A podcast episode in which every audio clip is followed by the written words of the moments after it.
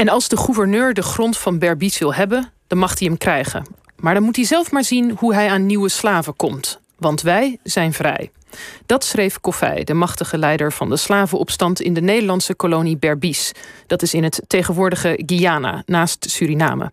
Duizenden slaven keerden zich in deze vergeten 18e-eeuwse opstand tegen hun onderdrukkers die pas na een jaar met veel geweld werd neergeslagen. Ja, en de stemmen van die opstandelingen zijn bewaard gebleven. Marjoleine Kars, historica aan de Amerikaanse University of Maryland, stuitte er per toeval op in het archief. En ze schreef het boek Bloed in de rivier over dat aanstaande woensdag uitkomt bij uitgeverij Atlas Contact. En we hebben Marjoleine vanuit Washington DC aan de lijn. Marjoleine, goedemorgen.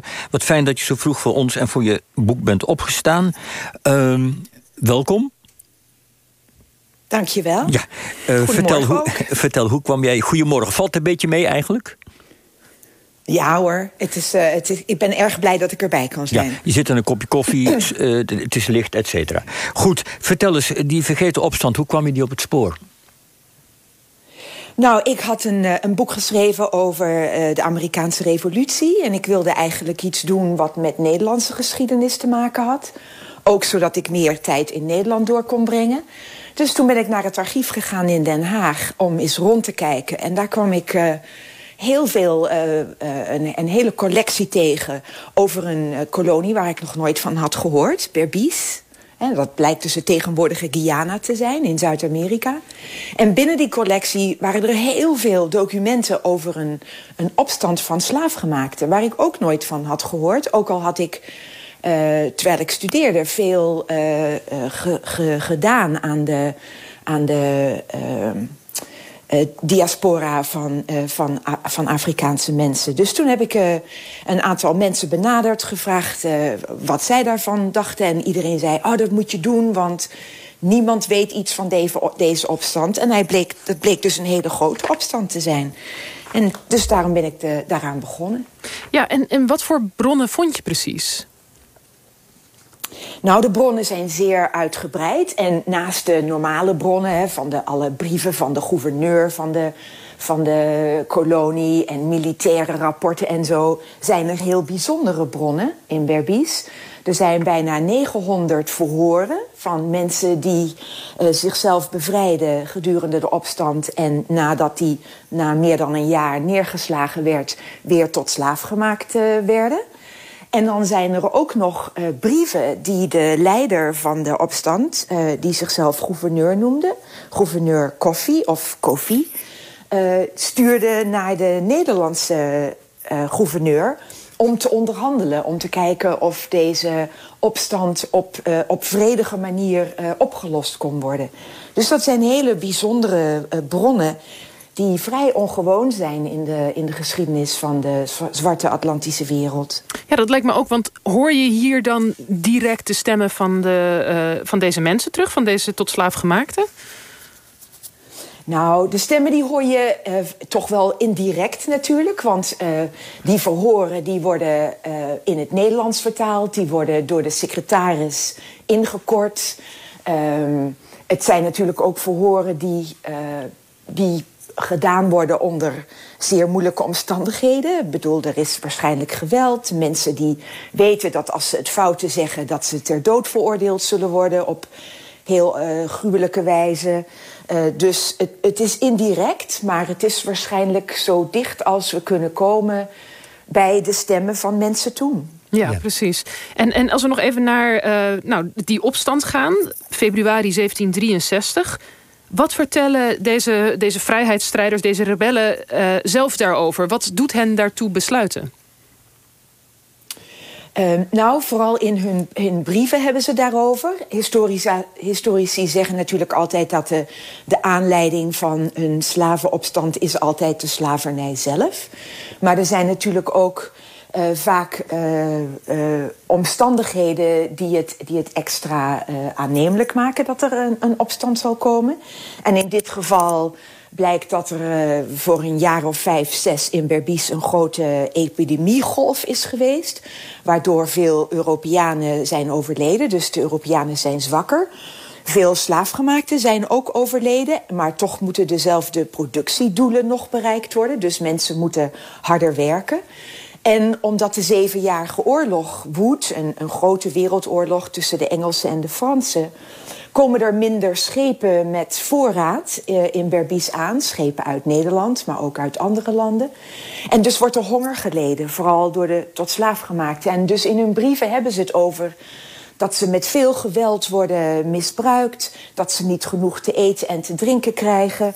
En in hun orale boodschappen hebben ze het er ook over dat hun vrouwen misbruikt worden. Ja, en, en hoe, hoe ga ik, ik bedoel, een opstand, dat is nogal wat. Hè? Om, om in echt in opstand te komen, was dat georganiseerd? Hoe moeten we ons dat voorstellen? Want dat, dat voorbeeld was er eigenlijk nog helemaal niet zo te over. Dus hoe deden ze dat? Waar, waar begon het en hoe? Nou, het is begonnen een beetje in het midden van de kolonie. Berbice was een wat ongewone kolonie in het Caribisch gebied. Het was niet een eiland. Het was, uh, lag op het vasteland van uh, Zuid-Amerika, naast Suriname. En het is een hele lange kolonie, bijna 150 kilometer lang of zo. Uh, dus het is uh, niet eenvoudig om daar een opstand te organiseren. En die opstand die breekt uit een beetje in het midden van de kolonie op vijf of zes uh, plantages. En van daaruit springt het, springt het vuur heel snel om zich heen. Dus hoe je dat voor moet stellen is, het breekt uit op een zondag. Dat is heel veel met, uh, met uh, opstanden zo. Vrije dag. Op zondag um, gaan de Europeanen naar de kerk. En ja, de, de slaafgemaakten hebben een vrije dag. En um, men maakt zich uh, meester van de wapens. En dan beginnen die rebellen van plantage naar plantage te gaan. Om te kijken wie is er met ons, wie is er tegen ons. Ze halen wapens van alle plantages weg. Ze dwingen mensen om mee te doen. Andere mensen willen natuurlijk meedoen. En ze trekken van plantage naar plantage. En dus het, het vuur breidt zich snel uit. En de Europeanen, ongeveer de helft van de Europeanen is Nederlanders in Berbice. De andere helft zijn mensen uit andere Europese landen. Die zijn überhaupt al heel angstig, want uh, er zijn relatief uh, weinig uh, Europeanen, misschien 350 en misschien zoiets van 5000 slaafgemaakten. Dus ze zijn erg outnumbered. En die, die hebben eigenlijk heel weinig zin om terug te vechten. Die hebben zoiets van: oh jee, dit, dit, gaat, dit gaan we niet redden.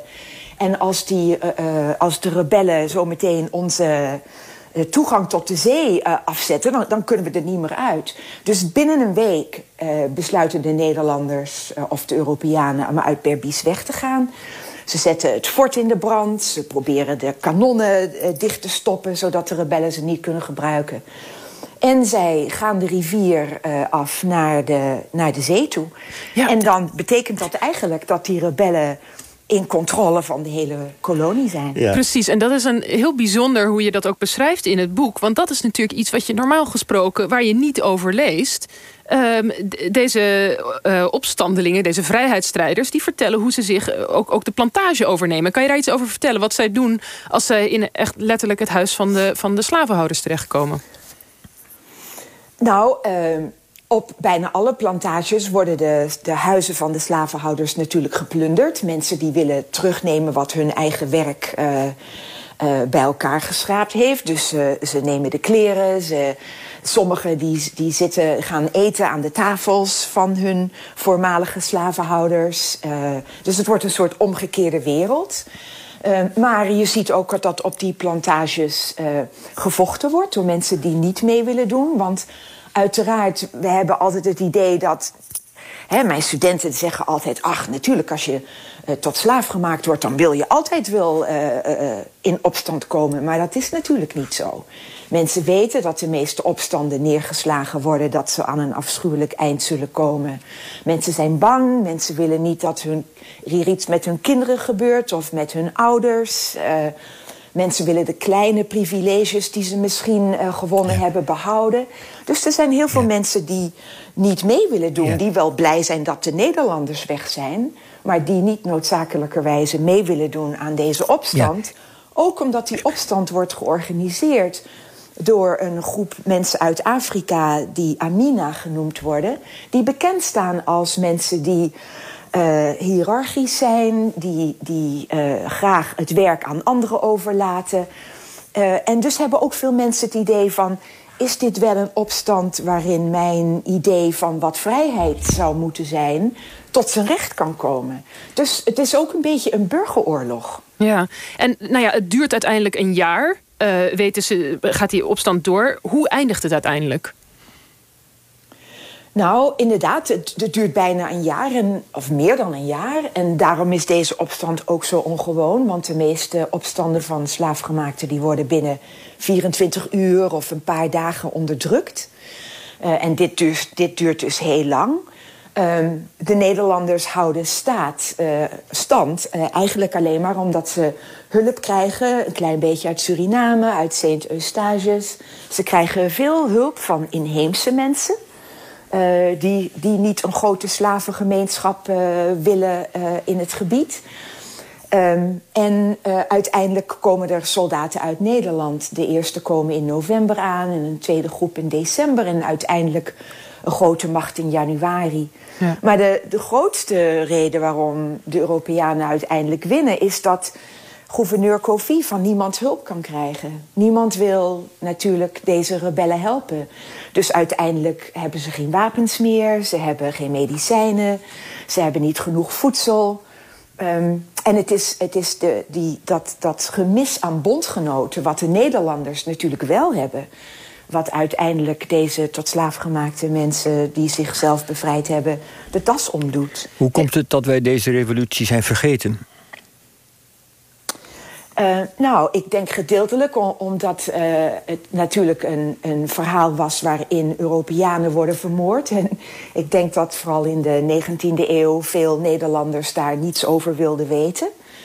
Um, en daarna is een hoop van het werk over uh, het Caribisch gebied gedaan door mensen die Engels spreken en geen Nederlands. En, um, en ik denk dat dat betekent dat die bronnen gewoon over het hoofd zijn gezien. En ook omdat Nederlandse historici tot op, uh, tot op ja, een paar jaar terug ja. toch voornamelijk geïnteresseerd zijn geweest in, in de, in, in de Oost-Indische wereld.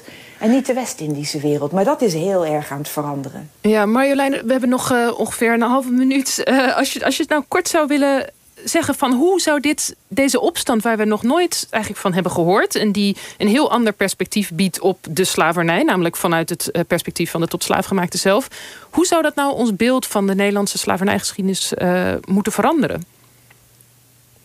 Nou, ik hoop ten eerste dat, dat het boek, omdat het een spannend verhaal is, dat mensen het interessant zullen vinden om te lezen en überhaupt iets zullen leren over de zeer grote uh, betrekking die de Nederlanders hebben gehad bij, het hele Atlantische, bij de Atlantische slavernij.